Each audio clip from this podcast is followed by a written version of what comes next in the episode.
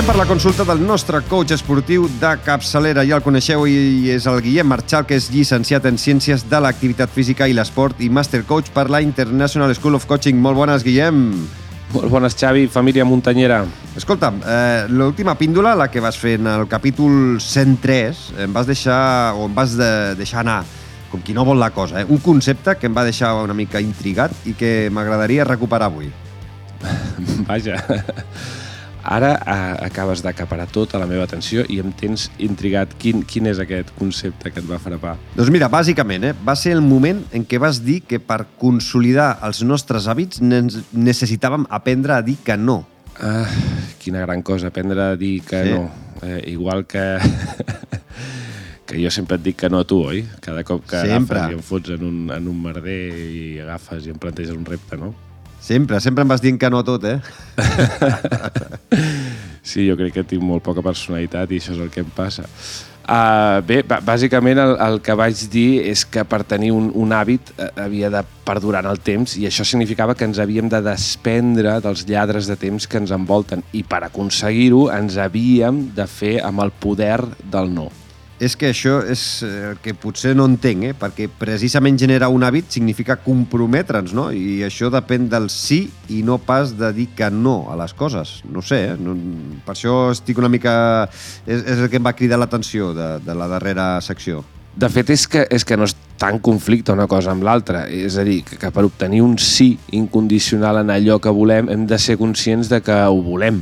I això significa que ens eh, fem conscients d'allò que no ens permet aconseguir-ho. Però dir que no porta implícita una àurea negativa, no, Guillem? Que negativitza tot allò que té a veure amb nosaltres perquè ens situa en la negació del que volem també, no? Una mica redundant, però mm, crec que el no és, és, és, és, té aquesta àurea.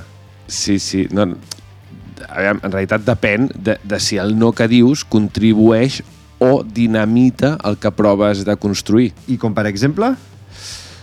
Com, per exemple, quan li dius que no a, a, al teu fill o a la teva filla quan demana alguna cosa que, que no et costaria gens donar-li. La teva intenció és que obtingui uns valors que no passen per donar-ho tot a canvi de res i, per tant, el teu no té el poder de construir una millor personeta i de destruir un possible dèspota malcriat. Uf, però és que ja, llavors costa molt, eh, dir que no. Clar, és que, és que aquest és el problema, que costa molt dir que no i que sempre hi ha un sí implícit en tot allò que ens envolta. Per sistema sempre diem que sí a tot, o, o gairebé tot, eh? perquè és el que s'espera de nosaltres, perquè ens creiem ben educats si ho fem i no volem ferir o generar un conflicte. De fet, al·ludim als conflictes tant com podem, encara que això ens perjudiqui d'alguna forma que sigui més o menys assumible. És la teoria del mal menor, on ens situem sempre en la posició que ens fa menys mandra, malgrat no sigui la, la més adient per nosaltres. Vale, eh, et dono la raó, però llavors pel que dius, si dir que no és més fàcil de tenir un conflicte o una situació indesitjada i potser això en si ja és un motiu prou rellevant per evitar-ho, eh, clar, què sí, fem? Sempre, eh, sempre i quan tu eh, no t'estiguis traint a tu mateix i als teus principis o als teus desitjos. Al final, és evident que sempre hi ha d'haver concessions en les relacions personals, però ens pensem que per a que aquestes funcionin no hi ha d'haver conflictes o discussions, i això és una errada.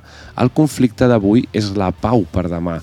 El no d'avui és una negativa que no caldrà tornar a repetir perquè quan els termes estan clars i s'exposen les prioritats de cadascú poden provocar una divergència d'opinions inclús una discussió, eh? però fonamentaran la relació futura envers la persona o l'acte que ara mateix t'ocupa. Mira, com deia la meva àvia, que, que, era, que era molt andalusa, más vale ponerse un ave rojo que ciento colorado. I en què es basa el poder d'aquest no? Mm, Perquè jo veig el sí com a proactiu i el no com a bloquejant. perquè de moment no entens que és un no a tu i un sí a mi. És a dir, em prioritzo a mi per davant d'allò que no em permet ser jo mateix o mateixa.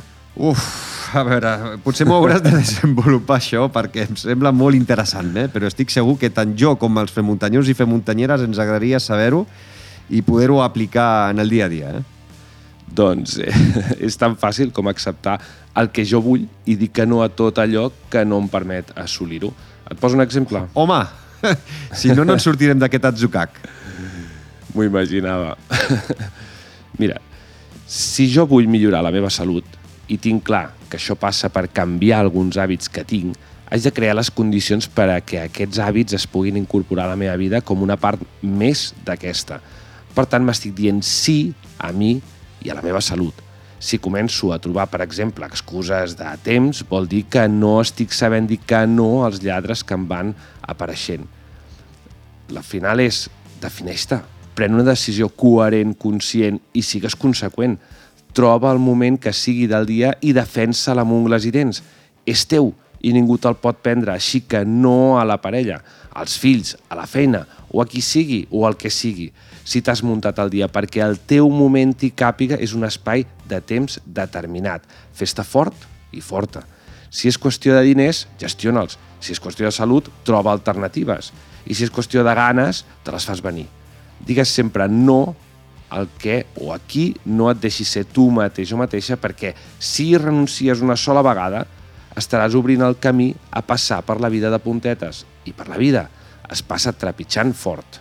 Crec que ha quedat claríssim, eh? Amb aquest exemple eh, espectacular, brutal, sense paraules. Crec que avui tenim una d'aquelles petites joies feta de píndola aquí al, al Fem Muntanya. Eh? Es nota que ha sigut, ha sigut una mica, a principi, eh? difícil d'entendre, però ho has acabat eh, rubricant i has acabat posant la, la cirereta de, de, del pastís.